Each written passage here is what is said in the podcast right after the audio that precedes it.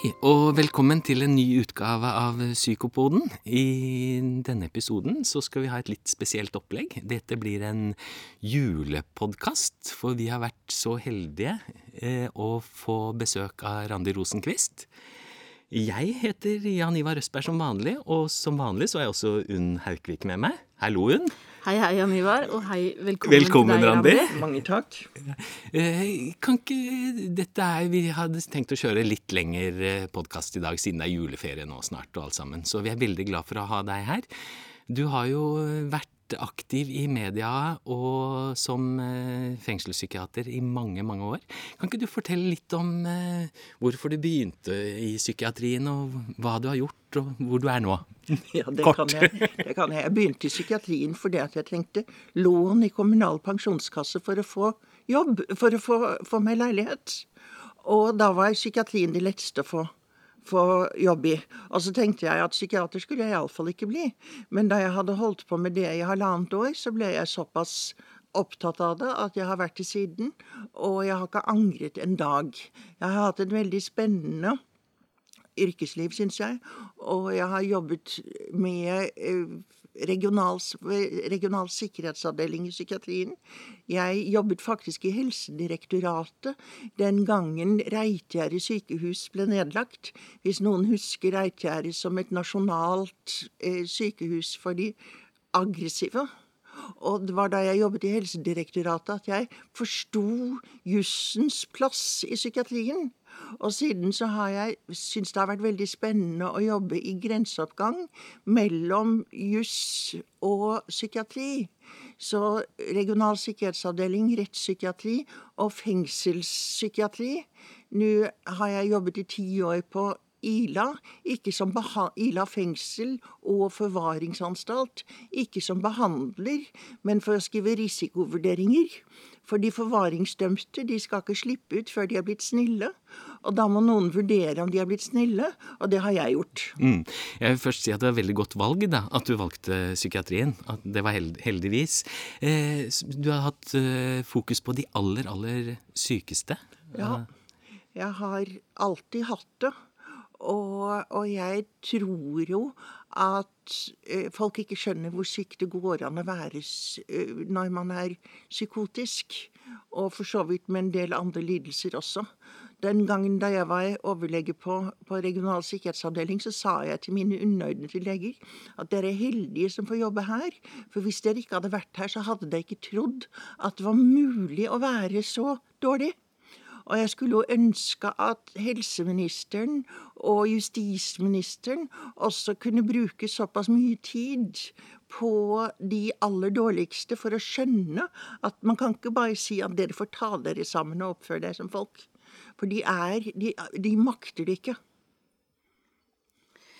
Og det var en veldig god eh, oversikt for eh, hva vi egentlig skal snakke om i denne episoden. Vi har litt ulike temaer på blokka, Jan Ivar og jeg, som skal styre dette. Eh, Jeg s- starter litt der hvor du begynte, Randi, med at eh, det, den delen av psykiatrien som du har jobbet mye i, er jo den grenseoppgangen mellom juss og psykiatri. Og vi- jussen griper jo veldig inn i psykiatrien og måten vi kan behandle, og hva vi kan tillate oss å, å, å behandle pasientene våre for.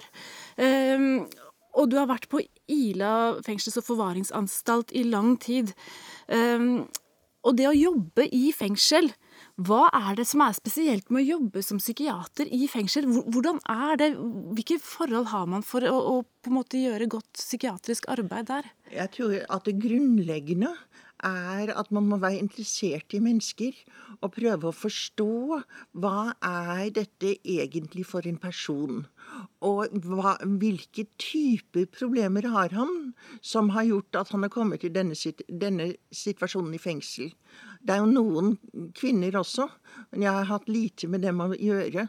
Og de er på mange måter enda vanskeligere å behandle enn menn i fengsel. Men man må se på dem som personer, og man må naturligvis vite hva de er dømt for, men man må ikke la det være den, det overveldende inntrykk. Man må vise at man bryr seg om dem som mennesker. Ja, for det, Du sier nå du har jobbet mye hos, eh, med menn, og det er vel primært menn som er på Ila eh, forvaringsanstalt? Ja, det er bare, bare menn på Ila. Mm. Mm. Og så sier du at de har jo gjort en del forbrytelser. Eh, og, og hva, hva, altså De som er forvaringsdømte, hva, hva, er det de typisk sitter inne altså, for? Altså, de forvaringsdømte de sitter for sedelighet og vold. Og noen sitter for væpnet ran og slikt noe. Men, men, det er jo personer som har begått voldshandlinger. Sedelighet er definert som voldshandling. Og hvor det er en nærliggende alvorlig fare for ny alvorlig kriminalitet. Og de har da et i prinsippet evigvarende dom. Eller det vil si, de får en forvaring for f.eks. ti år med en minstetid på syv, og etter syv år så kan de begjære seg prøveløslatt. Men, de, men da må de si at de er blitt snille. Og, men hvis de ikke blir prøveløslatt, så kan statsadvokaten etter ni og et halvt år si at dette her er ikke bra. Vi innstiller på fem års forlengelse. Og på den måten så kan man være i fengsel resten av livet. Eller man kan komme ut etter en tid som ikke er lenger enn det man normalt ville ha fått i tidsbestemt straff. Og her i denne vurderingen har psykiateren en rolle. Kan du si noe om det? Altså, jeg har jo en lang bakgrunn som rettspsykiater. Og rettspsykiatriens hovedoppgaver er jo å se om, uh, utrede om, om siktede personer er tilregnelige eller ikke. Mens risikovurderinger av for så vidt uh, utilregnelige og tilregnelige personer, det er viktig når det gjelder uh, forlengelse Eller både når det gjelder om folk får en særreaksjon som forvaring, og om de slipper ut fra fengsel. Så jeg skriver risikovurderinger etter beste evne, og går i retten og redegjør for Eh, hva, hvordan jeg vurderer at en person har utviklet seg gjennom soningen. Og, og det eh, Det er jo noen som faktisk utvikler seg veldig bra, og så er det noen som er nokså uendret. Og da kan man lure på hvor lenge er det meningen han skal sitte i fengsel. Og så er det noen som definitivt blir dårligere gjennom soningen. Og det er jo en gruppe innsatte som jeg har et hjerte for. For jeg mener jo at en del av de forvaringsdømte ikke skulle ha vært i fengsel i det hele tatt, men hører mer hjemme i psykiatrien. Men dit kommer de ikke. Nå, nå, nå, ble jeg veldig nysgjerrig her, Randi. Når du sier de innsatte, kan, kan ikke du prøve å beskrive de, de, hvem, hvem, er de innsatte? Hva, hva, er de inne for, og hva slags altså, psykiske lidelser har de? Ja, du... altså, vi har en stor undersøkelse av soningsfanger i Norge. Og da viser det seg at 70 eh, av dem omtrent har en personlighetsforstyrrelse. 60 eh, har problemer med rus. 20% har en angstlidelse. Eh, og, og noen, 3-4-5 kanskje, har en psykoselidelse. Slik at det, Og så er det jo veldig mye komorbiditet. På, på, Ila så ser vi så, så, Jeg skrev en artikkel for noen år siden hvor vi har laget grupperinger. Hvor vi tenkte at én en gruppe var det som på mange vis er fengselets hovedpopulasjon, nemlig dumme unge menn som rota det til da de var 12 eller 14, og som ikke har fått, eh, fått skole, og, ikke, og, så har de begynt å, å, ruse seg, og så har de havnet utpå. Det er på mange måter fengselets paradekasus, for da kan man gi skolegang. Man kan gi eh, fagbrev hvis, hvis dommen bare er lang nok. Det er jo veldig tilfredsstillende når man ser en av de umodne, dumme mennene bli voksen sånn i slutten av 20-årene og faktisk ta tak i livet sitt. Det, det, er, er en stor gruppe av innsatte i alle fengsler. På, på Ila så er ikke det så veldig stor gruppe, fordi at vi vi har ikke de som bare begår rus og tyveri og tullball. Men på Ila så har vi da en liten gruppe som er ideologisk kriminelle. Og dem er det ikke så veldig mye å gjøre med. Men så har vi en gruppe da som har eh, problemer med sin seksualitet. Og jeg syns jo det, det, å snakke om pedofile som gruppe, det syns jeg er en veldig dårlig betegnelse. For det at vi har noen som er sosialt så inkompetente at det eneste de får til, er med barn. Vi har noen som er psykisk utviklingshemmede, som egentlig er syv år selv. Vi har noen som, som uh, er psykopatiske, og som misbruker voksne og barn og dyr. Og så har vi, har vi vel noen ganske få som er hva jeg ville kalle ekte pedofile. De som bare tenner på barn og får kjærlighetssorg når kjærligheten blir 15 og blir for stor for dette her. Men det er ganske mange problemer som ligger under disse pedofile. Og vi har naturligvis noen som begår voldtekt mot voksne kvinner også. Det forundrer, men det forundrer meg at vi ikke har flere av dem. For det er en del brutal voldtekt som jeg definitivt ville si er psykopatrelatert, og som burde ha fått forvaring. Men domstolene er mer opptatt av pedofili som avvik men så den aller siste gruppen er de som er psykisk utviklingshemmet og psykotiske og paranoide og hjerneskadet og gudene må vite hva. Det er personer som ikke mestrer noe som helst. Og, og, dette syns jeg er en veldig sørgelig gruppe. Mm. Det var litt av en sånn heterogen gruppe du beskriver nå. Det er my mye forskjellig. Ja. Men, men, du nevnte dette med å omsorg til de og, mm. og nå inn til ja. de og forstå ja. de på en måte. Er det noen utfordringer med det, Randi? Er det Hvordan? Naturligvis er det utfordringer. Og når jeg holder kurs om fengselspsykiatri for de som jobber i, på DPS som skal serve et fengsel, så er jeg jo opptatt av det vi kaller mot, motoverføringer. Vi må ikke bli for, forarget, forferdet over det folk har gjort. Eller det kan vi godt bli, men det må ikke dominere hvordan vi fungerer. Og, og det er jo noen, men det er jo noen som man ikke med beste vilje kan like. Det, det, må jeg si, men de aller fleste har man en, en tilgang til i fengsel. Og jeg har jo også tidligere jobbet poliklinisk med folk som sitter i fengsel. Og det er, har delvis vært folk som aldri har klart å komme til neste time hvis de hadde vært ute. Men i fengsel så er de der, og man kan bli kjent med dem. De er da stort sett edru, og man kan opprette en relasjon. Og som psykiater så er jeg veldig opptatt av at relasjoner er de grunnleggende for mennesker. Og at det er noen som ikke klarer gode relasjoner til andre eller seg selv. Og det å kunne ta tak i dem mens de sitter i fengsel, og få dem i tale, og få dem til å oppleve at det er faktisk noen som bryr seg om meg nok til å prøve å forstå meg, og det, det syns jeg er veldig spennende. Så, så, du beskriver jo da, eh, som Jan Ivar sier, et veldig heterogent eh, spekter av utfordringer eller psykiske lidelser som eh, personer i fengsel har. Eh, og så sier du også, altså, Men rammene rundt det å jobbe i fengsel På den ene siden som du sier, så er de jo der, stort sett edru.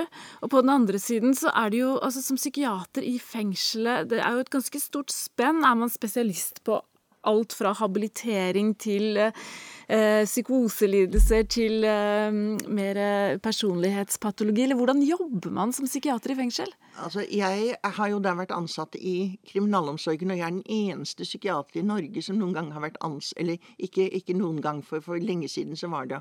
Men, men jeg snakker nå egentlig om de som Til de som jobber på DPS.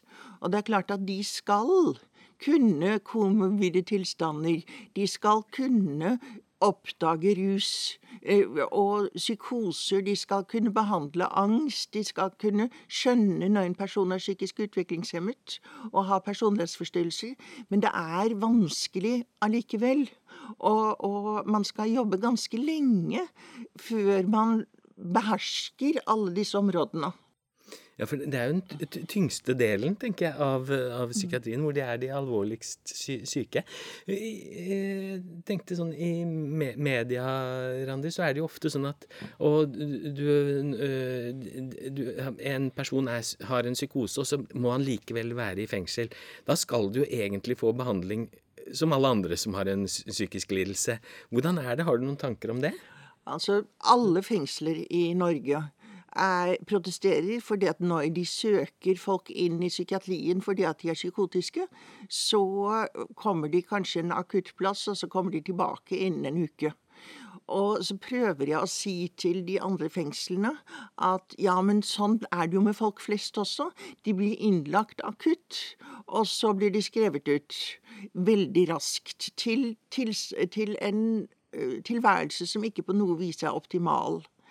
Men så vi blir nødt til å ta noen psykotiske i retur når de har fått roet seg ned og fått medisiner. Men det som jeg ser som det store problemet, er de som trenger langtidsbehandling i psykiatrien. Og der har jeg brukt to og tre og fire år på å få et, psykiatri, et en psykiatrisk sykehus til å ta imot folk fra fengsel som er helt gale, for å si det rett ut. Og, men vanskelig å diagnostisere, for de er ikke typisk schizofrene. Men, men det har jeg, jeg bruker forferdelig mye tid på å motivere psykiatrien til å ta dem imot, men da opptar de jo en av de veldig få langtidsplassene. Ja, for det er jo eh, denne gruppen av veldig syke som på en måte har eh, en kriminell bakgrunn, har gjort noe alvorlig galt, og så blir de psykotiske i fengsel. fordi hadde de blitt vært psykotiske ved handlingstidspunktet, så hadde de jo i utgangspunktet blitt dømt. Ja, men der tar du feil. For jeg tror nok at omtrent 5% av de forvaringsdømte var psykotiske på handlingstiden. Men de sakkyndige har sagt at nei, vi er ikke helt sikre. Og da må vi si at de var ikke psykotiske. Og så får de forvaring. Ja, for hvordan skulle man, Tenker man at man skulle blitt psykotisk i fengsel? Er det pga. isolasjonen? Altså, no, no, noen kan jo bli psykotiske i fengsel fordi at de ville ha blitt psykotisk uansett. Men så er det jo de akutte psykosene i forbindelse med abstinenser og sånt, og det er ikke de jeg snakker om. Men det, det er jo noen som har en litt langsom, glidende schizofren utvikling, og først blir ordentlig syke når de kommer i fengsel. Og, og det er noen som har en affektiv sinnslidelse, har jeg hatt i mange år, og så blitt psykotisk i fengsel. Så, så det er det, det, er definitivt til stede, og det var jo derfor den store kartleggingsundersøkelsen også fant at det var over 5% av de sonings Eh, dømte som var psykotiske.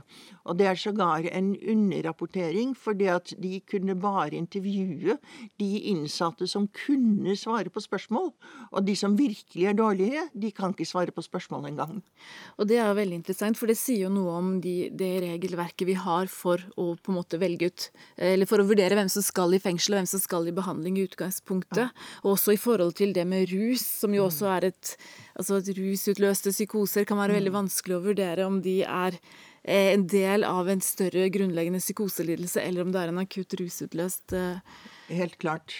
psykose, og at man da får en mm. gruppe i fengselet. Eller man får denne gruppen da, som vi mm. også ser i media, som man ikke på en måte, som er feil i fengselet, og som er feil i psykiatrien. At de på, eller de er jo ikke feil som mennesker på ingen måte, men at, at de er på en måte vanskelig å plassere. De er vanskelig å plassere fordi Psykiatrien, spesialisthelsetjenesten, har ikke lenger omsorg som sin oppgave. Omsorg skal foregå i kommunen, sier helseministeren. Men det er noen som trenger så profesjonell omsorg for å ha et anstendig liv at de må i spesialisthelsetjenesten. Men det er bygget ned. For 30 år siden så hadde vi sykehjem, psykiatriske sykehjem. Eh, vi hadde store sykehus med langtidsavdelinger. Dette er blitt veldig kritisert. Og jeg er helt sikker på at en del pasienter har fått det bedre med psykiatrireformen og nedbyggingen av psykiatrien. Men de aller dårligste, de har mistet det eneste tilbudet de kunne ha det bra i. Mm. Ja, det er jo, de, har jo nå det, Har de halvert antall Ops, nå sparket jeg til mikrofonen. Eh, har de halvert antall sengeplasser nå på de siste ti årene? Er det ikke noe sånt? Altså, halvert Altså, i 1960 var det 18 000, og nå er det 3300 eller noe sånt nå. Og det har vært en, en stadig nedtrapping. Og, og, jeg tror det var vel omtrent 7000 omtrent for 20 år siden. Men altså fra 18 000 til 3500 på 50 år. 60 mm. år. Det er ganske interessant, for mm. nå har jeg jobbet i over 20 år i mm. norsk psykiatri, mm. og helt siden jeg begynte, så har vi jo snakket om nå må vi ikke trappe ned eller stenge flere mm. sengeplasser, men likevel fortsetter det. Mm. Hva tenker du om det, Randi? Så jeg tror at de som bestemmer her, ikke skjønner hvor dårlig fungerende enkelte personer er. Og det er ikke slik at hvis man får en leilighet med komfyr og vaskemaskin og tilsyn to ganger i uken, at man da vil ha det veldig mye bedre enn i en totalinstitusjon, hvis man overhodet ikke kan ta vare på seg selv. Og, og jeg, jeg, er veldig bekymret for at den forestillingen om autonomi som det aller viktigste, at den går på bekostning av omsorg. Mm. Ja, jeg tenker også på disse få akuttplassene vi har. Altså, Det blir jo veldig fokus når du, når du kommer inn og er mm. rimelig psykotisk med masse stemmer i hodet, kanskje, vrangforestillinger om å bli mm. forfulgt. Og så, og så blir det fokus på å medisinere bort symptomene. Så glemmer du det du kanskje var opptatt av i starten, det å forstå det andre mennesket som sitter foran deg, eller å forstå historien, forstå eh, Så vi mister en del der, tenker jeg også. Vi mister veldig mye. Og det vi jo bl.a. ser i fengsler, er at enkelte som har vært innom akuttpsykiatrien flere ganger og fått diagnosen rusutløst psykose og personlighetsforstyrrelse, de har i realiteten vært schizofrene hele tiden. Det er bare ingen som har hatt tid nok til å se på dem når de har vært nokså rusfrie, slik at det blir ikke oppdaget. Og det, det syns jeg er en skam. Og jeg tenker hvis en person har vært inne i akuttavdeling to ganger med en såkalt rusutløst psykose, så må man ha en ordentlig utredning. På, på, eh, for å se er det en schizofreni som ligger under. Og jeg syns jo også det er ganske pussig at da jeg var ung, så hadde vi tre uker til, for å utrede en pasient for å se om han oppfylte tvangsinnleggelseskriteriene. Nå har man ti dager. Og det er ikke blitt lettere det er ikke blitt raskere. Det er faktisk mer å utrede nå enn man hadde uh, mulighet til for, for 30 år siden. Så, så denne veldig korte utredningstiden, den tror jeg mange taper på. Så er det noe dere jobber med eh, i fengselshelsetjenesten, den type utredninger, eller har man, har man ressurser til det? Jeg har inntrykk av at det er eh, Man har jo ikke ressurser til det. Og eh, faktisk så er det eh, På Ila så har vel har vi jo primærhelsetjeneste, vi har fastlege og vi har sykepleiere som jobber i fengsel både på dagtid og på kveldstid. Og de følger en del opp. Men eh, vi har jo en, en helsetjeneste fra DPS hvor det er noen psykologer og én psykiater som er én dag i uken. Så det blir jo ikke som, som en avdeling, en, en akuttavdeling på noe vis. Men, og, og altså på Ila det er det eneste fengselet som har hatt en psykiater. Men eh, man, man mestrer det ikke. Nei, for hvordan, ja, altså som du sier, hvordan, hvordan skal man gå fram eh, fra fengselssiden hvis, hvis, man mistenker at en av de eh, eh innsatte man har, egentlig har en grunnleggende eh, lidelse, og de ikke får plass i akuttavdelingen, og det ikke fins eh, eh, helsepersonell på stedet som kan gjøre de utredningene. Hva, hvilke handlingsrom har man da? Nei, man har jo ikke noe større handlingsrom enn hvis det er en eller annen som bor for seg selv som utviser samme atferd. Og, og, jeg syns jo at psykiatrien burde være mer oppsøkende og ta mer ansvar. Og, men jeg tenker at dette med frivillighet som så sentralt har gjort at man sparer penger. Man slipper ansvar. Man kan si at pasienten vil ikke, og så er man ferdig med det. Og, og jeg, jeg liker det ikke. Ja, for tenker du, det, det var jo en stor uh, lovendring i 2017 hvor, uh, hvor, man tidligere kunne legge inn personer som hadde samtykkekompetanse hvis det var mistanke om at man ville få sin utsikt til bedring forverret. Altså disse behandlingskriteriene ja, ja. vi hadde. Har, er det noen forskjell etter at den lovendringen kom? Så jeg tenker at den største forskjellen faktisk skjedde i 2001, da vi fikk ny lov om psykisk helsevern. For da byttet man ut eh, tvangsinnleggelsesoverskriften fra innleggelse uten eget samtykke til tvangsinnleggelse. Og i det øyeblikk man kaller det tvangsinnleggelse, så tenker man på makt og, og sprellende pasienter som blir tatt inn med håndjern. Mens faktisk fra 1848 så har vi hatt en psykiatrilovgivning som har sagt at det er noen som ikke er i stand til selv å samtykke til sitt eh, behandlingsbehov, og da kan familien og innleggende lege og mottagende lege sammen bestemme at han har det best i et psykiatrisk sykehus. Så, men, men, i 2001 så ble alt tvang, og så har man strammet inn mer og mer gjennom årene, og det blir vanskeligere og vanskeligere å utøve tvang.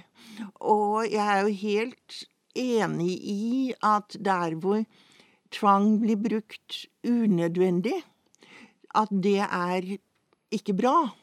Men, og, og, og, da kan man si at det var en falsk positiv. Man trodde det var behov for tvang, men så viste det seg at det var egentlig ikke det. Men de falske negative, der hvor man sier at det, her er det ikke hjemmel for tvang, og man gjør ingenting, og så viser det seg at de jo burde ha fått en mye mer omfattende utredning og omsorg og behandling. Den, den gruppen er jeg bekymret for, og jeg tror at hvis det verste en en psykiatrisk avdeling kan gjøre, er å behandle noen som kanskje ikke allikevel oppfylte tvangsbehandlingskriteriene, så vil det være ganske mange som ikke får behandling i det hele tatt, som burde ha fått det. Ja, for det er jo den andre siden av det som du sier, eh, som vi nå kaller for tvangslovgivningen, eh, og som, som, jo har kalt for det så lenge jeg har vært eh, mm praktiserende, i hvert fall.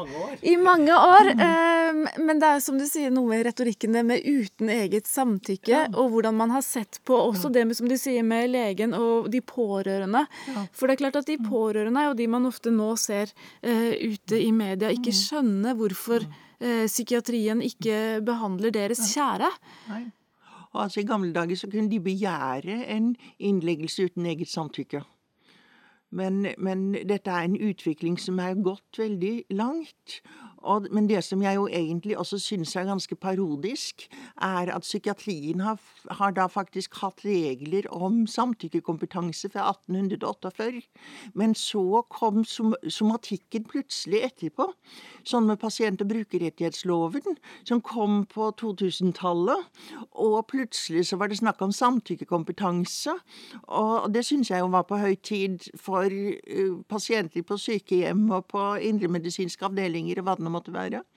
Men så ble da psykiatrien pådyttet et somatisk samtykkekompetanseteori istedenfor å få lov til å fortsette med den samtykkekompetansen som vi hadde da operert med i over 150 år. Og Hvordan tenker du de to formene for samtykkekompetanse skiller seg? Eh, når man går i bruksanvisningen for samtykkekompetanse, så er det mye eh, snakk om demente damer på sykehjem som ikke vil eller ikke protesterer mot tiltak. Det er eh, regler om hvem som kan tvangsbehandles kirurgisk. Det er nesten ingen. Men, men det er en hel del slike regler. Mens det som er det problematiske i psykiatrien, er hvis du ikke Hvis du protesterer på psykotisk grunnlag. Hvordan vurderer du det psykotiske grunnlaget? Og det kan være at noen som protesterer på psykotisk grunnlag, kanskje helst skal slippe.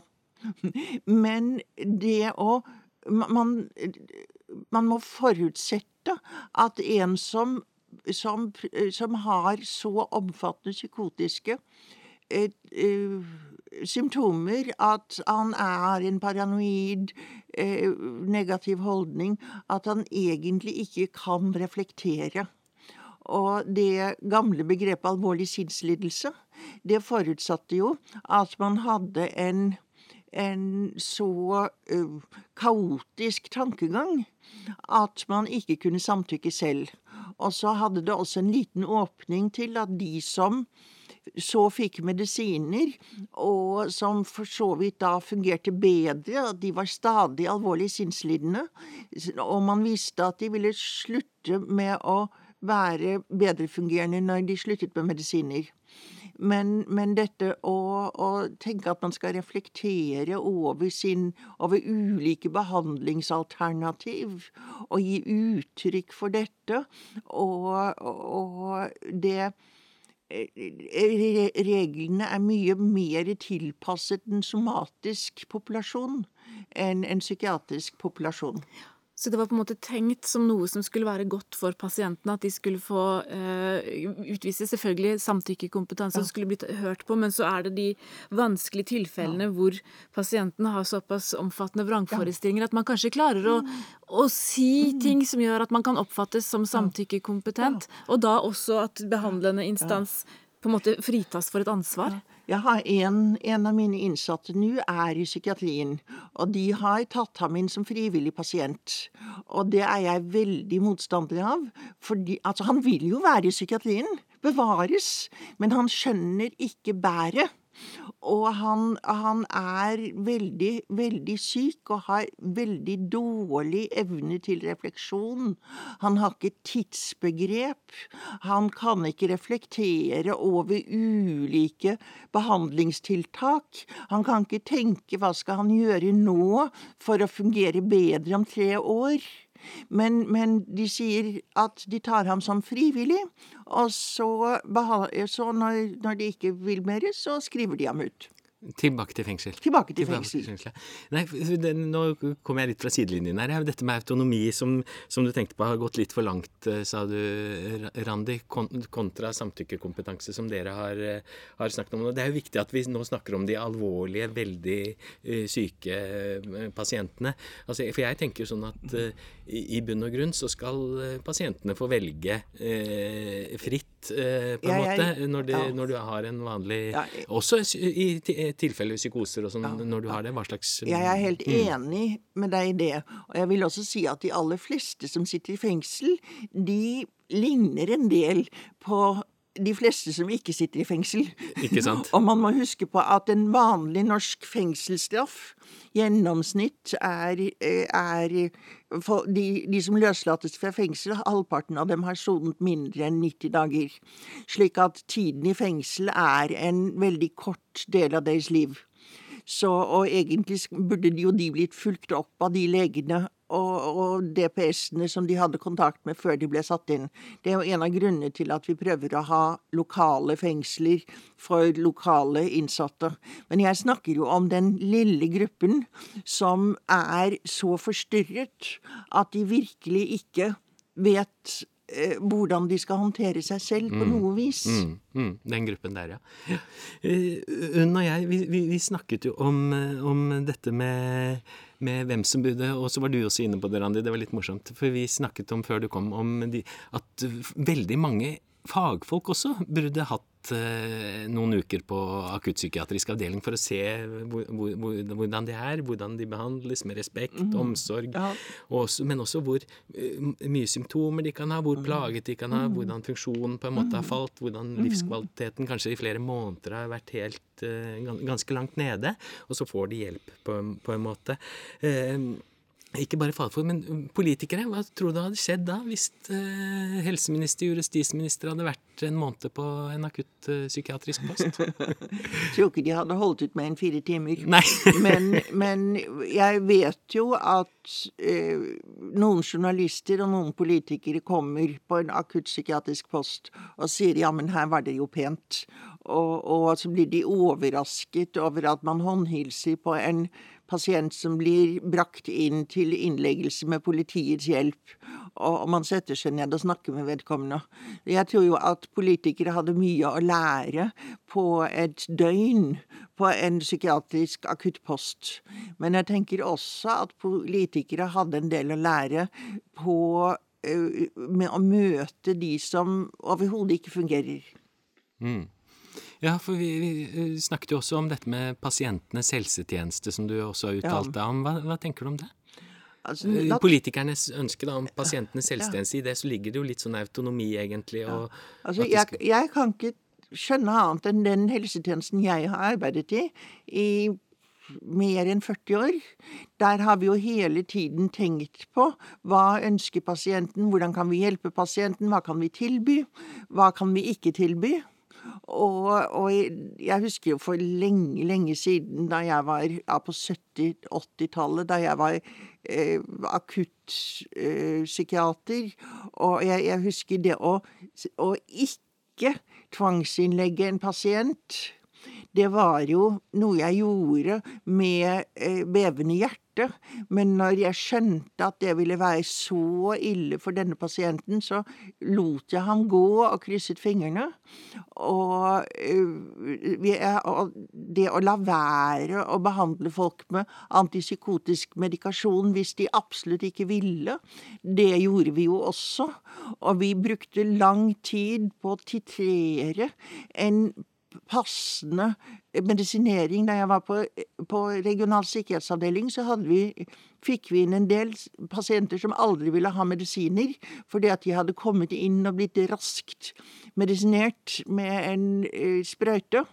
Og, og så, men vi tok det veldig langsomt og ga dem litt og litt mere, og, og titrerte sånn at de fikk den dosen som faktisk var optimalt for dem. Mm.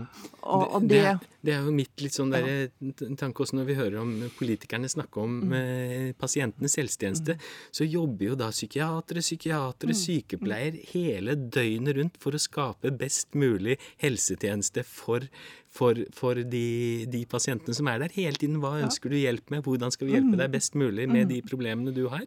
Og så blir det som politikerne sier at at vi fagfolk på en måte ikke bryr oss om hvordan pasientene har det, ikke er opptatt av det. Jeg tenker Alle forskerne jeg snakker med, det er jo nettopp det de forsker på for å få en best mulig pasientenes helsetjeneste. Det, det syns jeg er litt provoserende.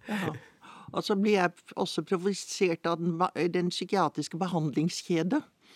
For eh, jeg var nylig i retten med en mann som hadde eh, slitt i flere år og vært på en poliklinikk litt frem og tilbake og syntes ikke han fikk noe, noe greie på noen ting. Og så kommer han på en akuttavdeling. Og så, så, får han tillit til den overlegen, og så sier han kan ikke du ta vare på meg. Og så sier overlegen nei, jeg tar bare akuttpasienter. Du må gå, gå tilbake til psykologen som du har snakket, snakket med tidligere, som ikke var tilfredsstillende.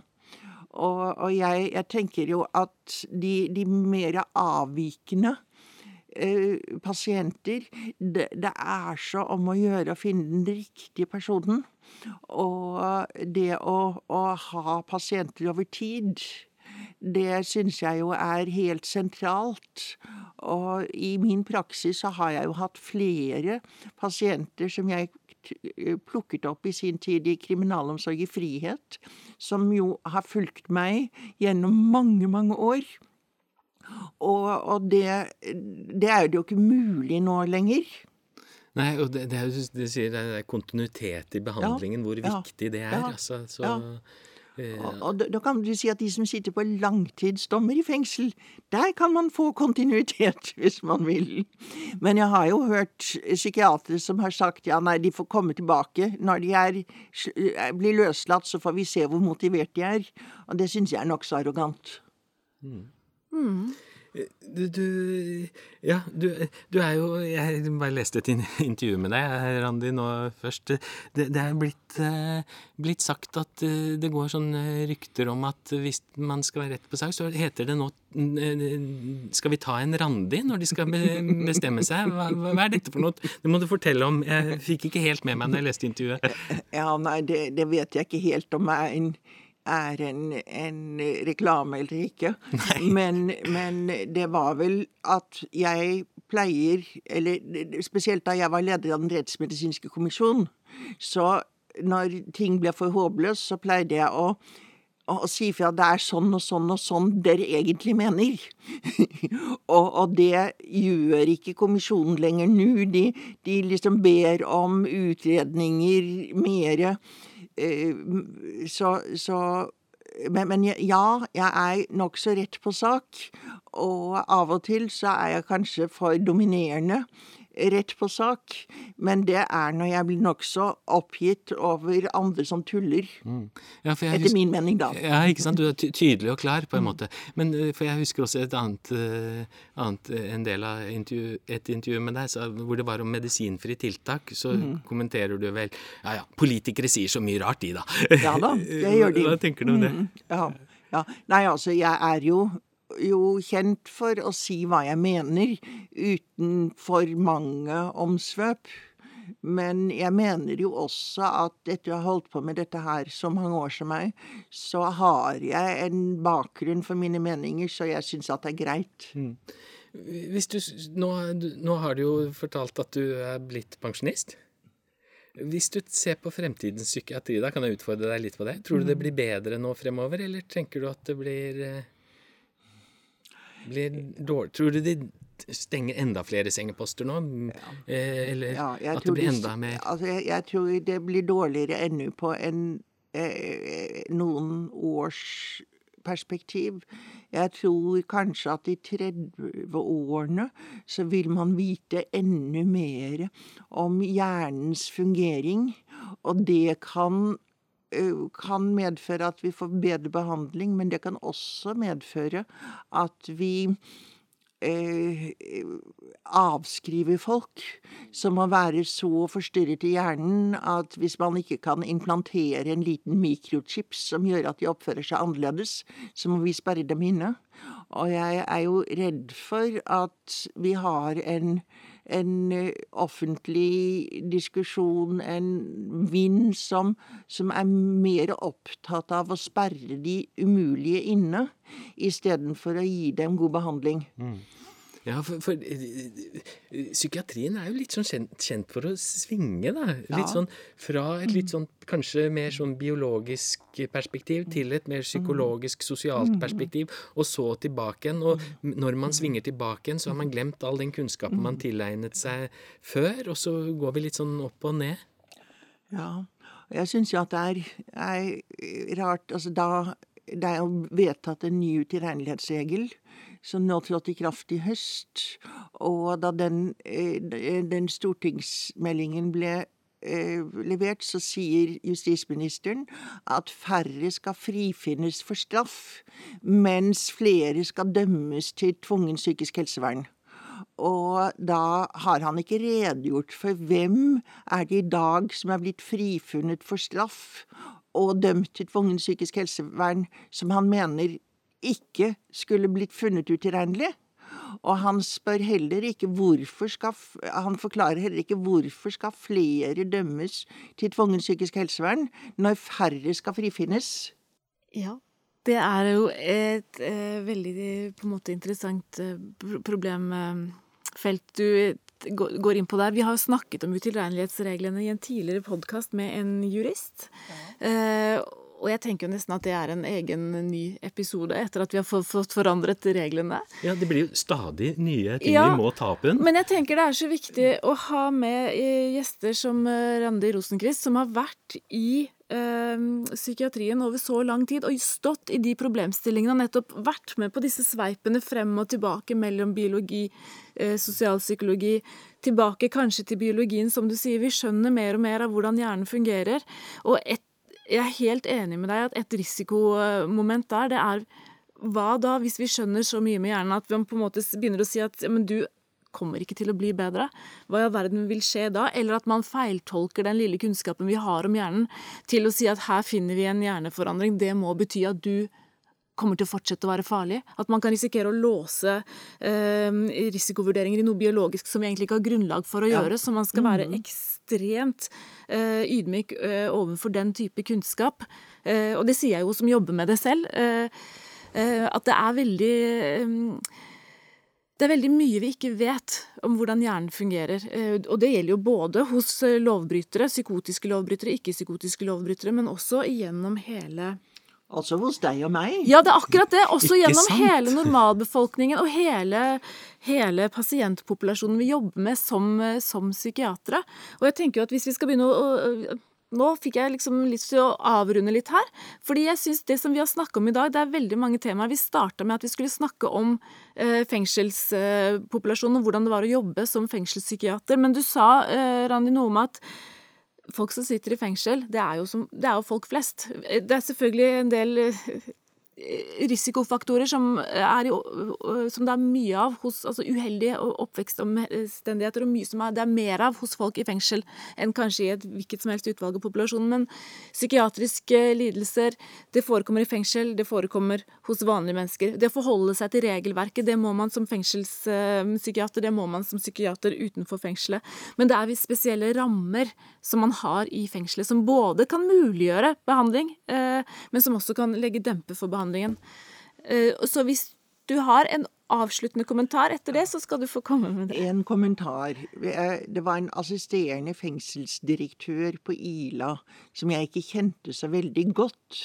Hadde, det var tidlig i min karriere der, men så falt jeg pladask for ham.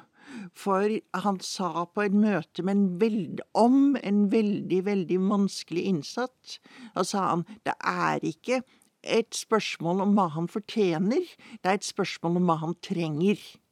Og det tror jeg jo at psykiatrien også må tenke på. Mm. Det syns jeg var veldig gode avslutningsord. Da vil jeg si tusen takk til deg, Randi Rosenkvist, for at du kom og var gjest hos oss i dag. Takk til min med og takk til deg, Unn.